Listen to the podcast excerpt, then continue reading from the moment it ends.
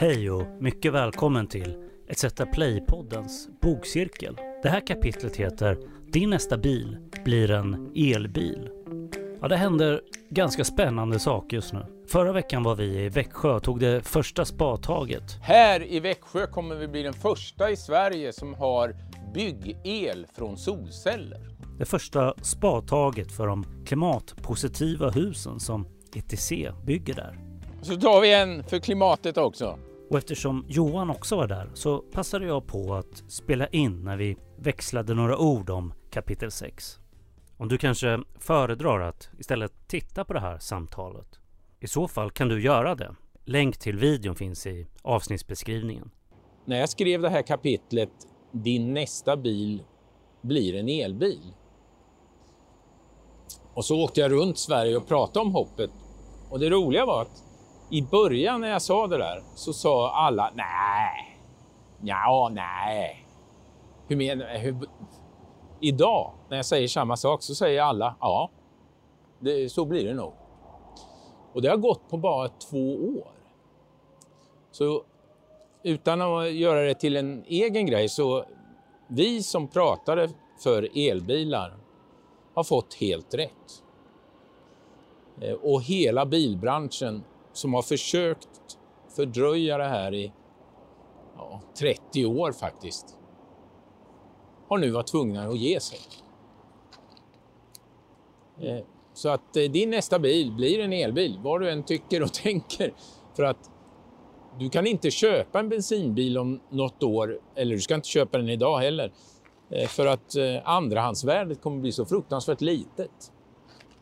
Det, det blir skrotbilar även efter några år för att man kommer inte kunna köra överallt med dem och man kommer inte heller kunna få ekonomin jämfört med elbilen.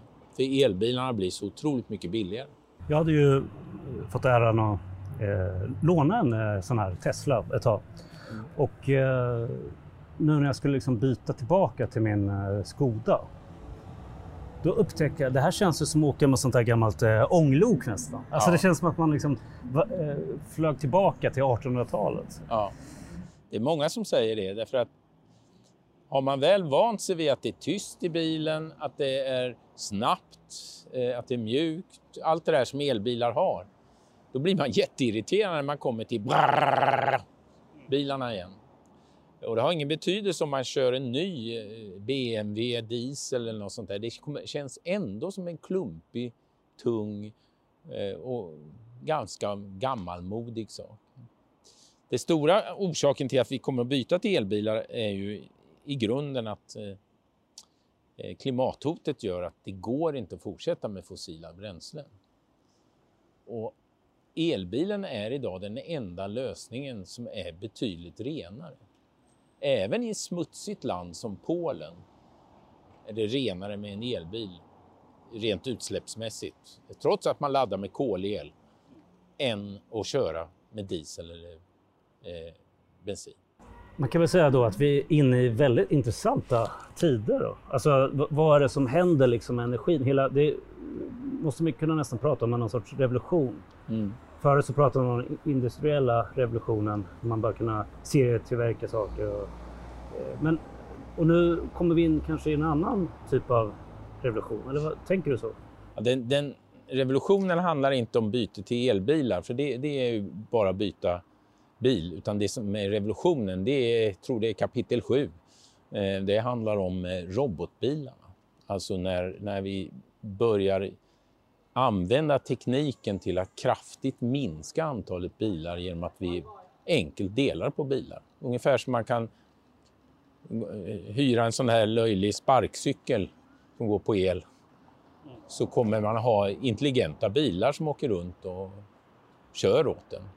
Och Men... då får man ju en helt annan ekonomi och en helt annan eh, miljöfaktor.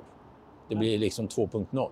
Fast 50-åriga män som gillar att köra, vad, vad, vad, ska vi göra med dem? Då? Det finns ju Gröna Lund. Man kan ju åka radiobil. radiobil. Det är ju en elbil. Så det, nej då, det kommer ju alltid finnas män och kvinnor för den delen som vill köra. Och, eh, det finns ju ratt och broms och så, på bilarna så det går nog att lösa för dem. Men de flesta använder inte bilen för att det är så fruktansvärt roligt utan det är ett instrument för att få vardagen att funka, komma till jobbet, komma hem, åka på utflykt, köra barnen och så vidare. Och det behöver man ju inte göra då när bilen gör det själv. Om du tänker tillbaka liksom på hela, hela ditt liv, eh, hur, hur det var då, liksom, hur man pratade om miljön när du var ung. Och så här, eh, vad, vad, vad, har det hänt? Hur, vad är skillnaden idag mot, mot liksom, man såg på det då? Det är egentligen exakt samma diskussion förutom att det har lagts till. Alltså redan när jag var, gick i skolan, grundskolan, så pratade man ju om miljöskulden och den stora miljöförstörelsen. Och, eh, det var DDT-skandaler, det var det ena och det andra som handlade om hormoslyr och så vidare. Det har varit en ständig kamp för människor som kan det här med miljö att försöka rädda det som räddas kan. Det är inte så att det var rent på 60-talet. Däremot var det färre människor som hade råd med eh, stora suvar eller annat utan man hade mindre bilar och färre bilar.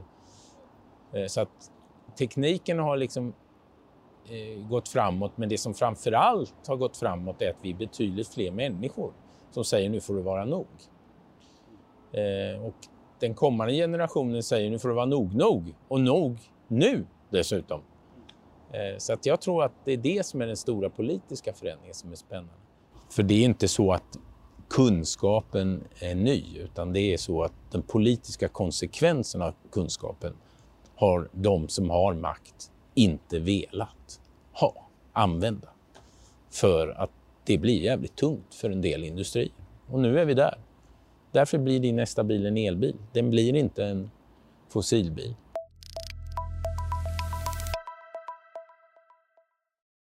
Kapitel 6 Din nästa bil blir en elbil. Om du har bil, och det har fem miljoner svenskar, så kommer din nästa bil att bli en elbil. Och då menar jag en riktig elbil, en som går på el direkt och som laddas i elkontakten. Det här handlar inte om vad du tycker, utan det handlar om pengar. Att köpa en ny diesel eller bensinbil betyder att man måste hitta en person som lovar köpa den om sådär tre år. Sen är det för sent. Smutsiga bilar kommer förbjudas i städer.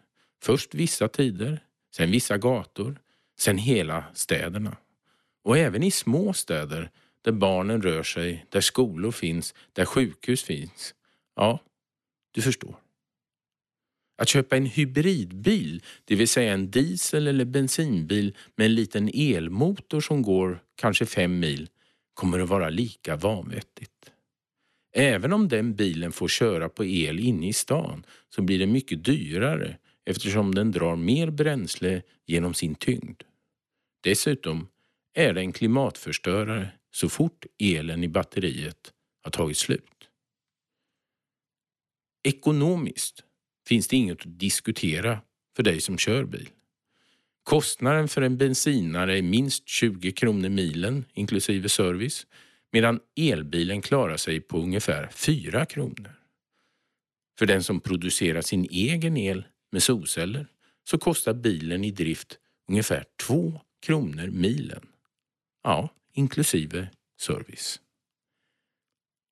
Inte ens den värsta gubben, det vill säga en man i min ålder, med de värsta fördomarna mot allt vad förnybart heter, klarar av den här ekonomiska ekvationen. Idag finns dessutom elbilar som fungerar som batterilager för huset. Nissan Leaf bland annat. Det betyder att solcellsägarna kan lagra solel i bilen och ta ut det på kvällen och därmed minska sina elkostnader även när solen har gått ner. Såvida du inte är nostalgiker och vill förlora runt 100 000 kronor per år för att få fortsätta att köra en smutsig bil. Fast egentligen så kanske det inte kommer att handla om vad vi vill. Nästan alla nya bilar som köps betalas ju av banken. Det är treårig leasing och vilken bank vill låna ut till fossilbilar som förlorar i värde och blir en skrotprodukt rasande fort. Det här blir ju en risk för banken. Det blir farliga siffror i balansräkningen. Just nu, sommaren 2018, har Volkswagen stoppat undan 300 000 dieselbilar i stora lager i USA. Bilar som inte går att sälja efter Dieselgate. Så elbilen är här eftersom den är bättre, billigare i drift och renare för alla. Men varför har det tagit så lång tid? Jag började själv köra elbil 2009. Först en liten som gick 15 mil men inte fortare än 100 kilometer i timmen. Sen en större som klarade 12 mil även mitt i vintern. Och sen en med räckviddsförlängare. Eh, en liten generator som gjorde el med bensin. Men så äntligen en som klarade 50 mil. Ja, en Tesla. Och utan den hade jag aldrig kunnat göra de klimatpolitiska turnéerna som jag gjort genom landet. Tåget fungerar ju allt för dåligt numera. Under hela den här tiden har elbilen bromsats och försenats. I EU har det handlat om att man satt gränser för utsläpp som varit alldeles för höga och som sedan dieselfabrikanterna dessutom fuskat med. Man har förlängt dieselbilen i minst 20 år. Ofta med det här absurda påståendet att den drar mindre än en bensinbil och är kanske rent av en miljöbil.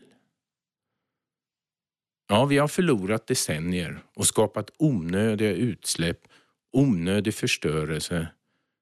Det här är allvarligt eftersom trafiken bara i Sverige står för en tredjedel av alla växthusgaser.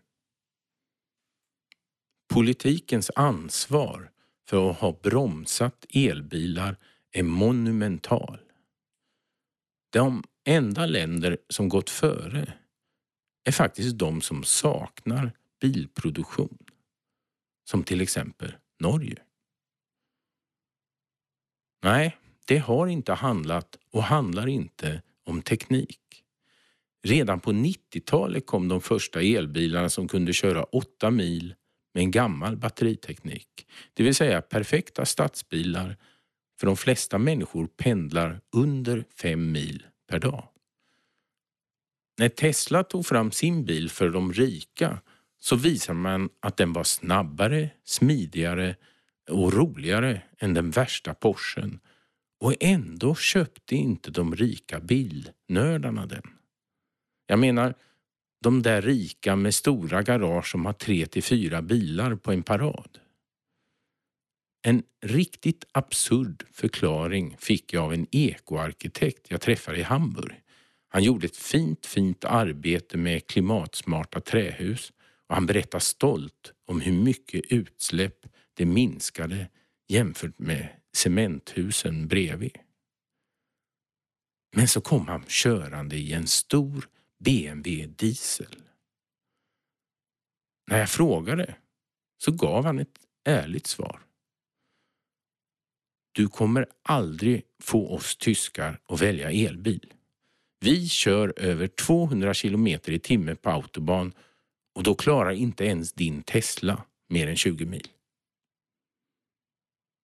Nu har han fel. Teslan går 30 mil i 200 kilometer i timmen och åtminstone jag tar gärna en kaffepaus för laddning efter 30 mil.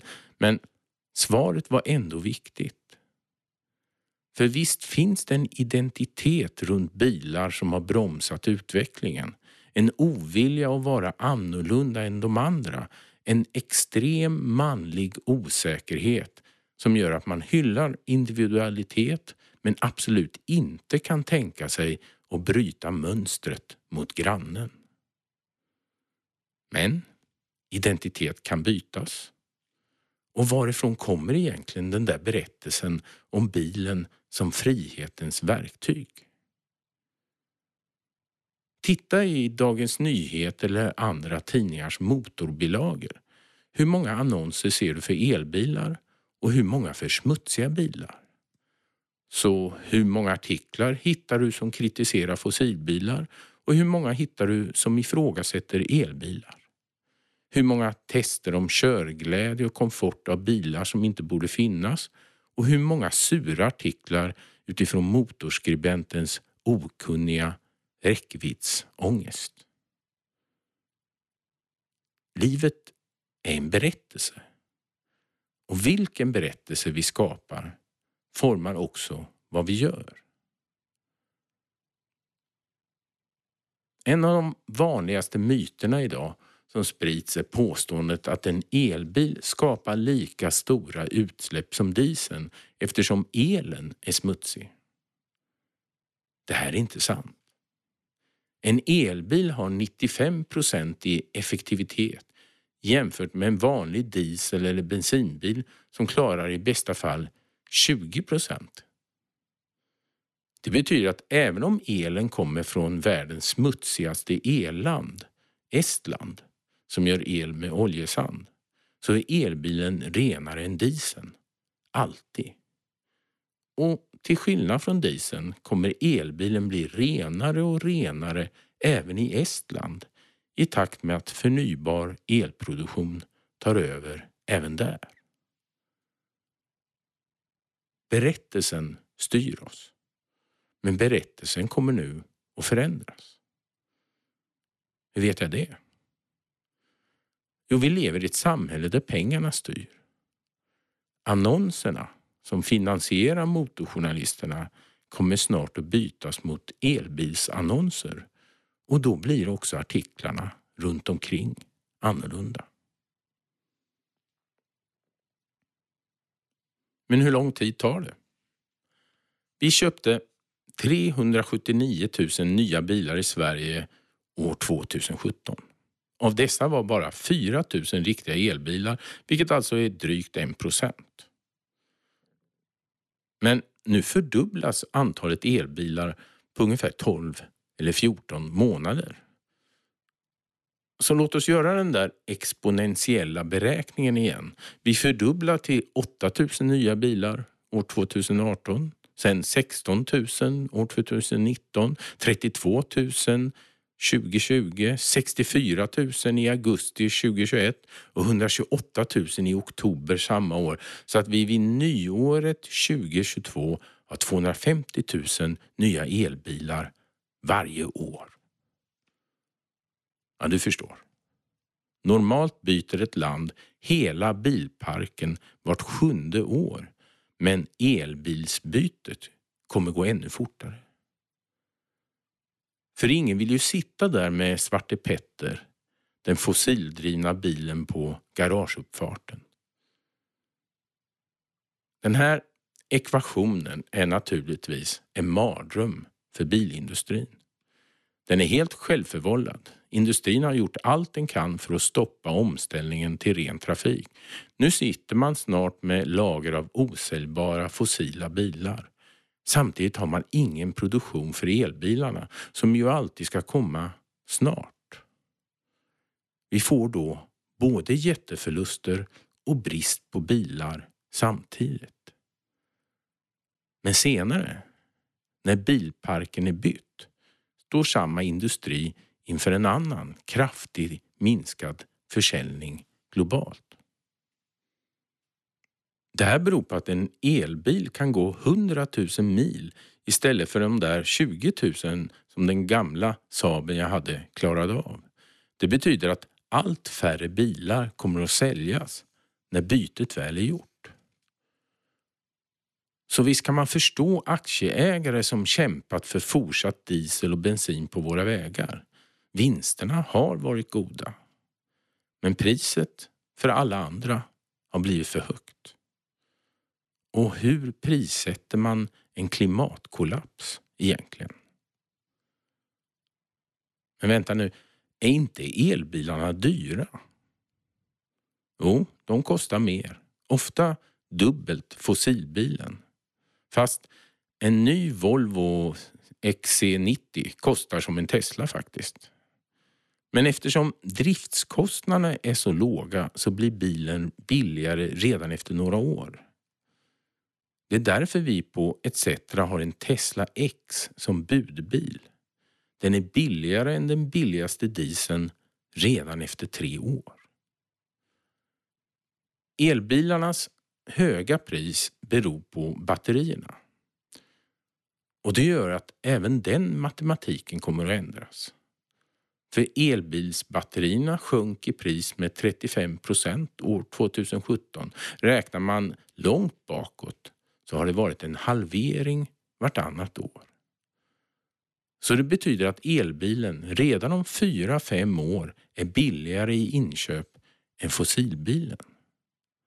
Så självklart blir din nästa bil en elbil. Ja, den spöar gasbilen du fyller med biogas, den spöar vätgasbilen och den spöar självklart den återvändsgränd som den svenska regeringen nu presenterar i form av biodiesel. Vi behöver inte ens diskutera klimatfrågan här. Vi behöver bara räkna och slutsatsen är klar. Den stora framtidsfrågan är inte om du kommer att skaffa en elbil utan om du verkligen vill äga en bil överhuvudtaget.